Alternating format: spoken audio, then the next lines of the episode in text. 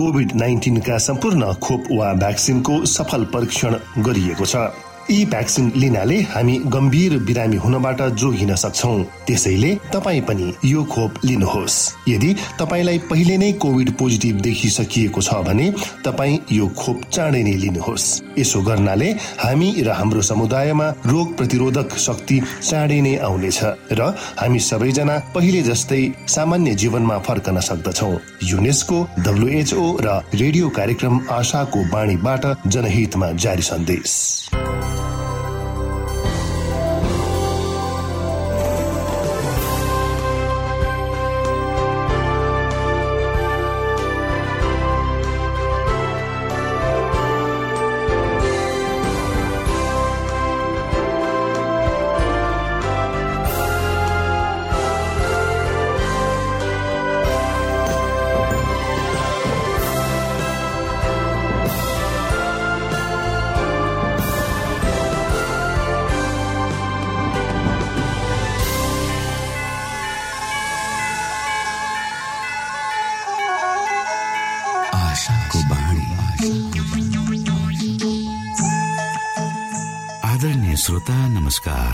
यो समय तपाईँ एडभेन्टिस्ट ओल्ड रेडियोको प्रस्तुति भोइस अफ होप आशाको बाणी कार्यक्रम सुन्दै हुनुहुन्छ।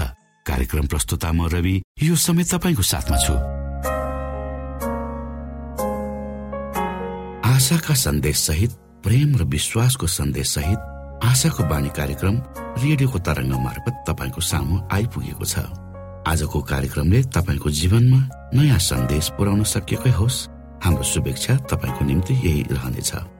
दैनिक यसलाई सुन्ने गर्नुहोस् र आफूलाई चाहिने प्रकारको आशिष र अगुवाई अवश्य यहाँले लिन सक्नुहुनेछ भनेर हामीले आशा लिएका छौँ। आउनुहोस्। आजको कार्यक्रमलाई पनि हामी एउटा मधुर भजन सहित अगाडि बढाउँ।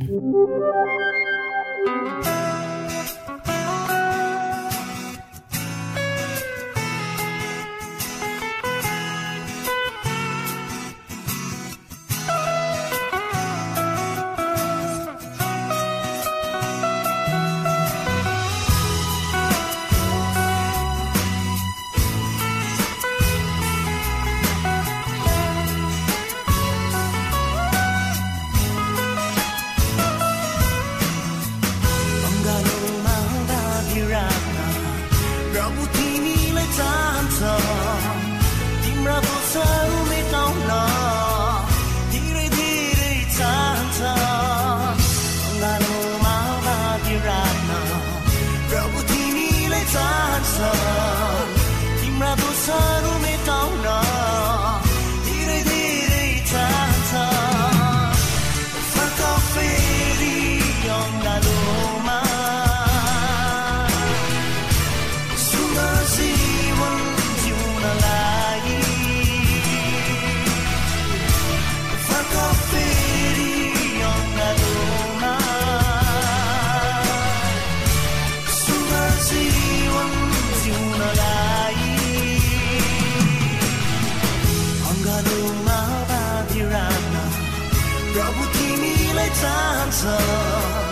दोषहरू मेटाउन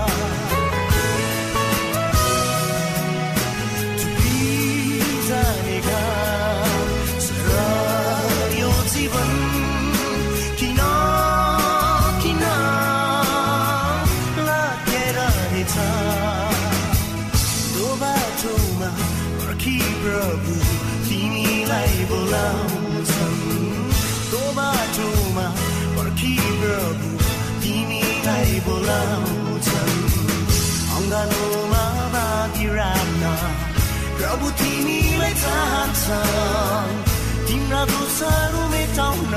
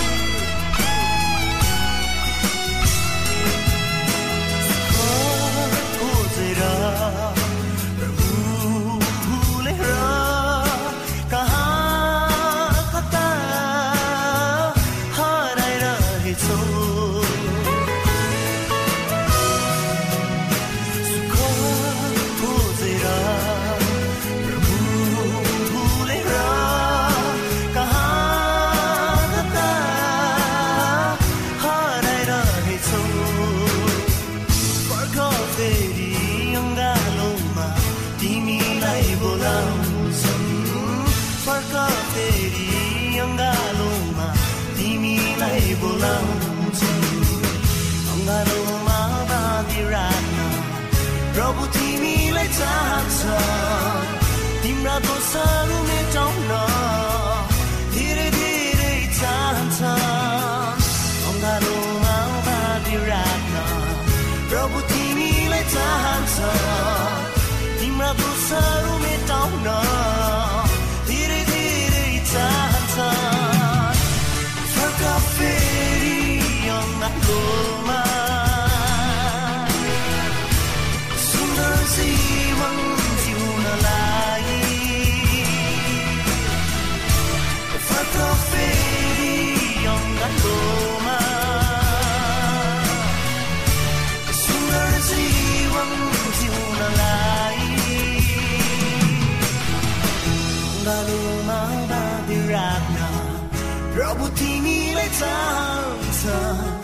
तिम्रा दोषहरू मेटाउन धेरै धेरै चाहन्छ। यो समय तपाईँ एडभेन्टिस्ट ओल्ड रेडियोको प्रस्तुति भोइस अफ होप आशाको बाणी कार्यक्रम सुन्दै हुनुहुन्छ। श्रोता मित्र यो समय हामी पास्टर उमेश पोखरेलबाट आजको बाइबल सन्देश सुन्नेछौ। श्रोत साथी न्यानो अभिवादन साथ म तपाईँको आफ्नै आफन्त। अर्थात् पास्टर उमेश पोखरेल परमेश्वरको वचन लिएर यो रेडियो कार्यक्रम मार्फत पुनः तपाईँहरूको बीचमा उपस्थित भएको छु। मलाई आशा छ तपाईँले हाम्रा कार्यक्रमहरूलाई नियमित रूपमा सुन्दै हुनुहुन्छ र परमेश्वरका आशिषहरू प्राप्त गर्दै हुनुहुन्छ। श्रोता आउनुहोस् तपाईँ हामी केही समय परमेश्वर आजको प्रस्तुतिलाई पस्कनुभन्दा पहिले म परमेश्वरमा अगुवाईको लागि बिन्ती राख्नेछु। जीवित जिउँदो महान दयालु परमेश्वर। प्रभु हामी धन्यवादी छौँ। यो जीवन र जीवनमा दिनुभएका प्रशस्त आशिषहरू प्रभु यो रेडियो कार्यक्रमलाई म तपाईँको हातमा राख्दछु। यसलाई तपाईँको राज्य र महिमाको प्रचारको खातिर यो देश र सारा संसारमा। ताकि धेरै मानिसहरू जो अन्धकारमा हुनुहुन्छ उहाँहरूले तपाईँको ज्योतिलाई चिन्न सक्नुहोस् देख्न सक्नुहोस् र तपाईँको राज्यमा प्रवेश गर्न सक्नुहोस्। सबै बिन्ती प्रभु यीशुको नाम आमेन।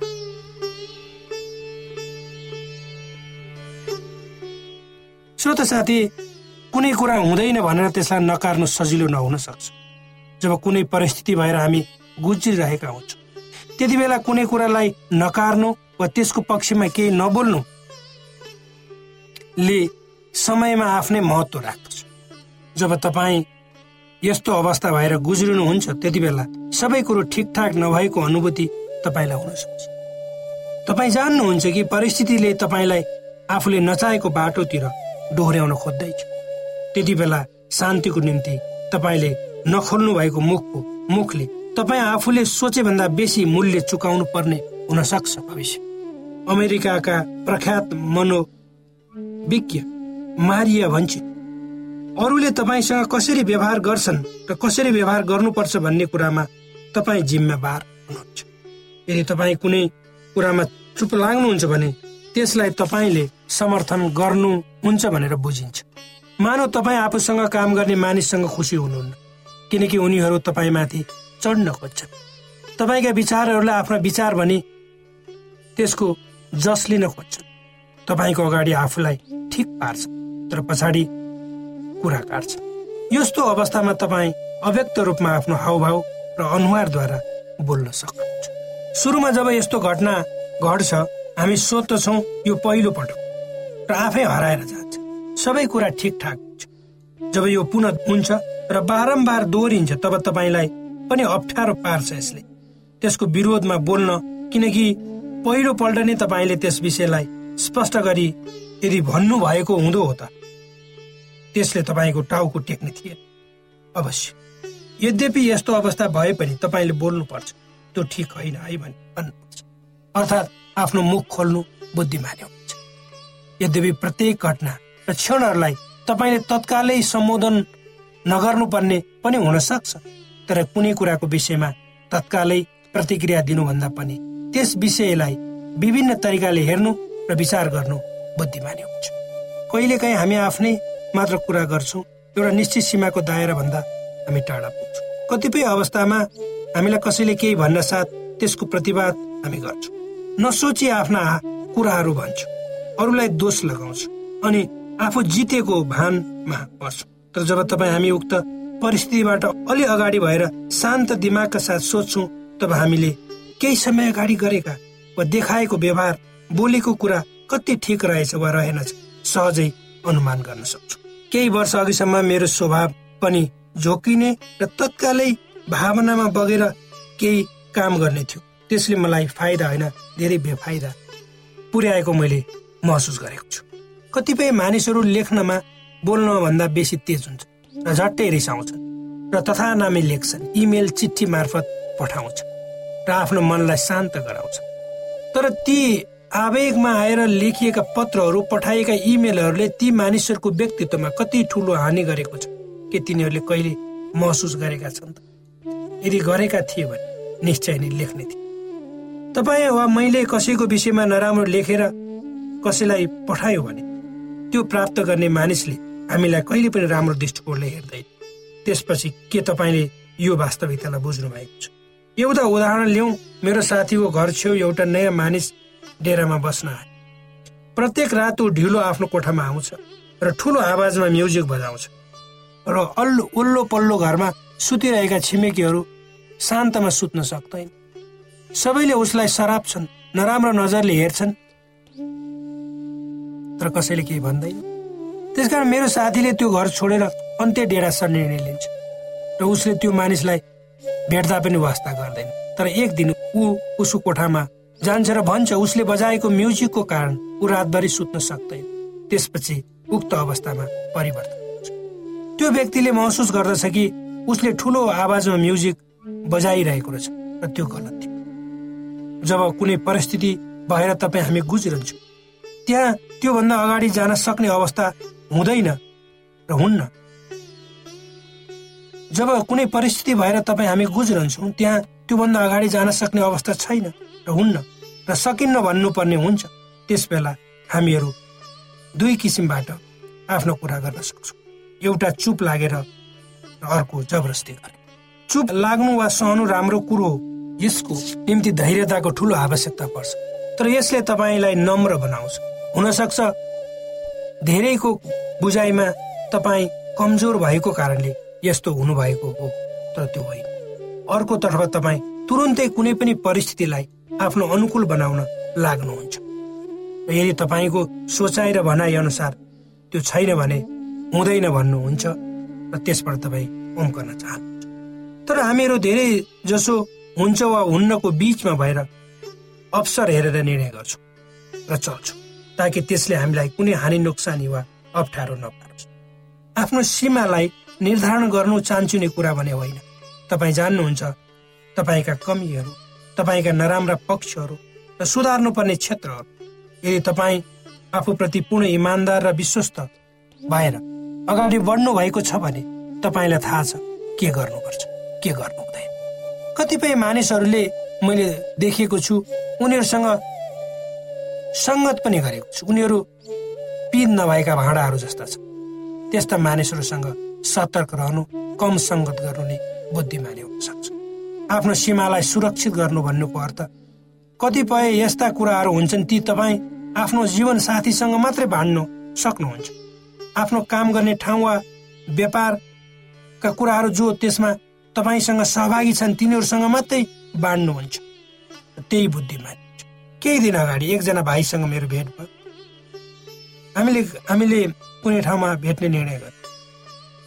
र उसँग अर्को मान्छे पनि सामान्य वार्तालापको क्रममा मलाई थाहा भयो कि त्यो अपरिचित व्यक्तिलाई मेरो काम गर्ने ठाउँको बारेमा मलाई भन्दा बेसी जानकारी भएको म छक परिस्थिति बुझेर मैले केही कुरा गरिनँ र हल्का खाजा खाएर हामी बिदा अर्कोचोटि जब त्यो भाइसँग मेरो भेट भयो मैले भने भाइ अर्को पटकदेखि मसँग भेट्दा एक्लै श्रोता तपाईँ हाम्रो आफ्नै सीमाहरू छ र तपाईँले आफ्नो दिन प्रतिदिनको यात्रामा तपाईँ जहाँ काम गर्नुहुन्छ जे गर्नुहुन्छ तपाईँको व्यवहार कस्तो छ यी सबै कुरालाई एउटा सीमाभित्र राख्नु र त्यो सीमाभित्र राखेर त्यसको अनुशासनभित्र आफूलाई हिँडाउनु भयो निश्चय नै। तपाईँले दुःख पाउनुहुने छैन यो मेरो आफ्नै अनुभव र बुझाइ परमेश्वरले यी वचनहरूद्वारा तपाईँलाई आशिष दिउ।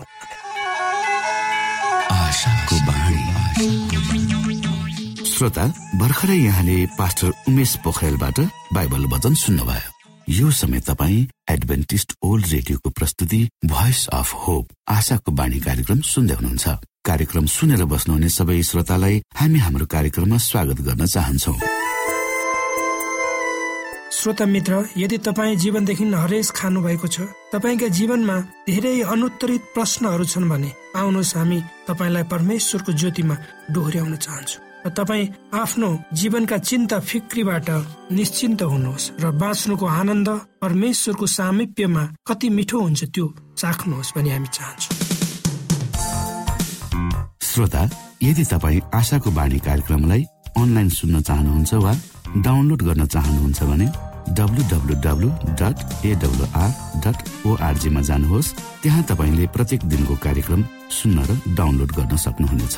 हाम्रो वेब पेज यस प्रकार छ W W W dot A W R dot O R G श्रोता यदि तपाईँ हामीसित सिधै फोनमा सम्पर्क गर्न चाहनुहुन्छ भने हाम्रा नम्बरहरू यस प्रकार छन्। अन्ठानब्बे एकसाठी पचपन्न शून्य एक सय बिस. अन्ठानब्बे एकसाठी पचपन्न शून्य एक सय बिस. र अर्को अन्ठानब्बे अठार त्रिपन्न पन्चानब्बे पचपन्न. अन्ठानब्बे अठार त्रिपन्न पन्चानब्बे पचपन्न. श्रोता मित्रहरू ख्रिस्ट यसुको नाउँमा न्यानो अभिवादन। जय मसिंह। म तपाईँहरूको साथी उमेश मन थापा। आज फेरि तपाईँहरूको रेडियो सेट सामु उपस्थित भइसकेको छु। श्रोता मित्रहरू सदा झै आज पनि तपाईँहरूको माझ नयाँ विषयवस्तु र प्रस्तुति लिएर उपस्थित भइसकेको छु। आज हामीले परमेश्वरको व्यवस्थाको विषयमा केन्द्रित रहेर केही जानकारी हासिल गर्नेछौ।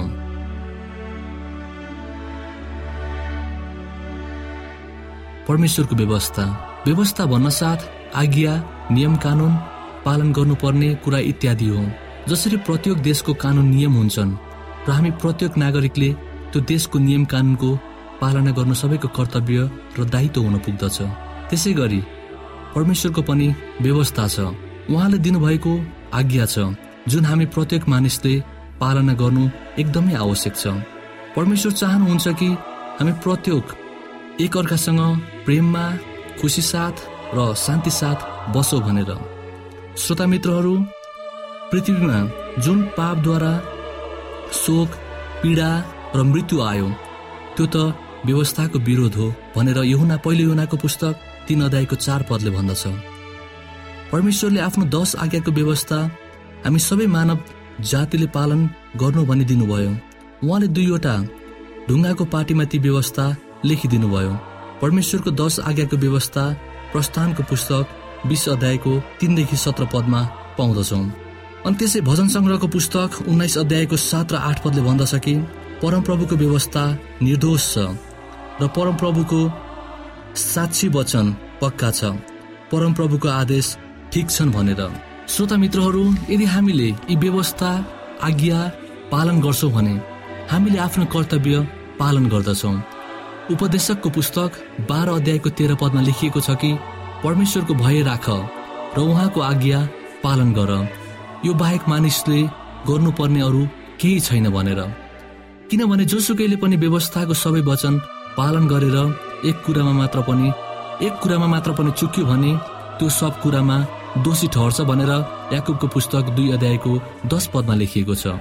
परमेश्वर चाहनुहुन्छ कि हामी प्रत्येक आज्ञालाई पालन गरौँ भनेर। अनि फेरि उहाँलाई अर्थात् परमेश्वरलाई चिन्छु भन्ने तर उहाँको आज्ञा पालन नगर्ने चाहिँ झुटा हो र त्यसमा सत्य हुँदैन भनेर परमेश्वरले भन्नुहुन्छ। अब हामीले अनन्त जीवन कसरी पाउने त? मत्तीको पुस्तक उन्नाइस अध्यायको सत्र पदले भन्दछ कि यदि तिमी जीवनमा प्रवेश गर्न इच्छा गर्दछौ भने आज्ञाहरू पालन गर भनेर। परमेश्वरको आज्ञा पालन गर्न कतिको महत्वपूर्ण रहेछ भनेर हामीले बुझिसकेका छौँ। यदि परमेश्वरको प्रेम हाम्रो हृदयमा छ भने उहाँको आज्ञालाई पालन गर्न कदापि कठिन हुँदैन। किनभने पहिले योनाको पुस्तक पाँच अध्यायको तीन पदले भन्दछ कि हामीले उहाँको आज्ञा पालन गर्नु नै परमेश्वर प्रति प्रेम हो र उहाँको आज्ञाहरू कडा छैनन् भनेर। श्रोता मित्रहरू पृथ्वीमा सबै कष्ट दुःख र पापको कारण नै प्रवेश गर्यो। जबसम्म परमेश्वर हामीलाई भन्नुहुन्न हामी आफूलाई जान्न सक्दैनौ। उहाँको दश आज्ञा नमान्नु नै पाप हो। परमेश्वर आफै सिद्ध ठिक शुद्ध न्याय एवं भलो हुनुहुन्छ। यसकारण उहाँको व्यवस्था पनि त्यस्तै छन्। उहाँ यति मात्र चाहनुहुन्छ हामीले उहाँको व्यवस्थालाई पालन गरौँ भनेर। यदि हामी दस आज्ञाहरूमध्ये केवल एउटालाई मात्र लत्याउँछौँ तर सारा व्यवस्थालाई कुल्चिन्छौँ अर्थात् यदि सबै व्यवस्थालाई पालन गर्दैनौँ त हामीमा सच्चाइ छैन। व्यवस्था पालन गर्नाले हामी यस जीवनमा सुखी रहन सक्दछौँ र आउनेवाला जीवनलाई प्राप्त गर्न सक्दैनौँ। तर यदि हामीले यसोको सहायता लियौँ भने उक्त कार्य गर्न सक्दछौँ। हामी प्रत्येकले व्यवस्थाको विवरण कण्ठ गर्नुपर्दछ। श्रोता मित्रहरू परमेश्वरको व्यवस्थाले हामीहरूको जीवनमा कस्तो भूमिका खेलेको हुँदो रहेछ सो हामीले हेऱ्यौँ। म तपाईँहरूको साथी फेरि भेट्ने बाचासहित अहिलेलाई तपाईँहरूको माझबाट बिदा माग्दछु। परमेश्वरले हामी सबैलाई आशिष दिनुभएको होस्। धन्यवाद। जय मसिंह। कोभिड नाइन्टिनका सम्पूर्ण खोप वा भ्याक्सिनको सफल परीक्षण गरिएको छ। यी भ्याक्सिन लिनाले हामी गम्भीर बिरामी हुनबाट जोगिन सक्छौ। त्यसैले तपाईँ पनि यो खोप लिनुहोस्। यदि तपाईँलाई पहिले नै कोभिड पोजिटिभ देखिसकिएको छ भने तपाईँ यो खोप चाँडै नै लिनुहोस्। यसो गर्नाले हामी र हाम्रो समुदायमा रोग प्रतिरोधक शक्ति चाँडै नै आउनेछ र हामी सबैजना पहिले जस्तै सामान्य जीवनमा फर्कन सक्दछौ।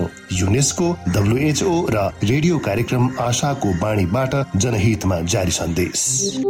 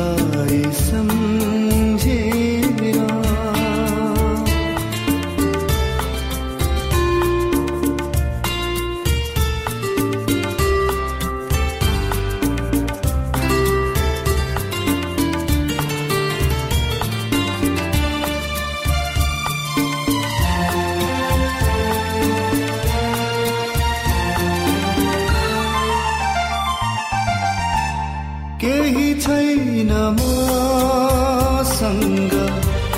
दिनन्ती।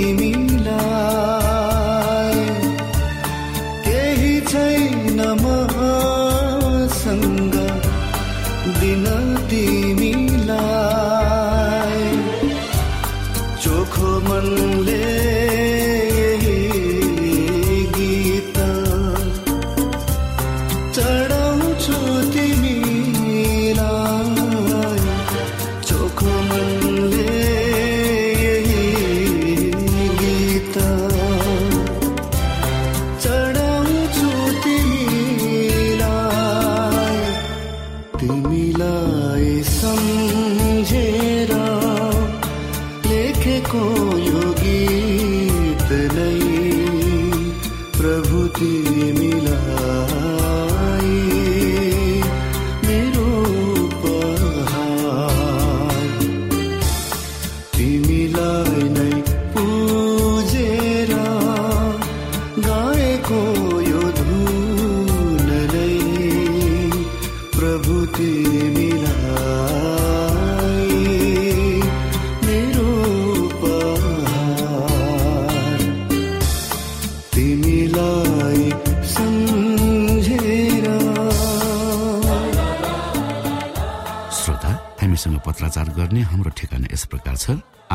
बाणी पोस्ट बक्स नम्बर दुई शून्य शून्य शून्य दुई काठमाडौँ नेपाल।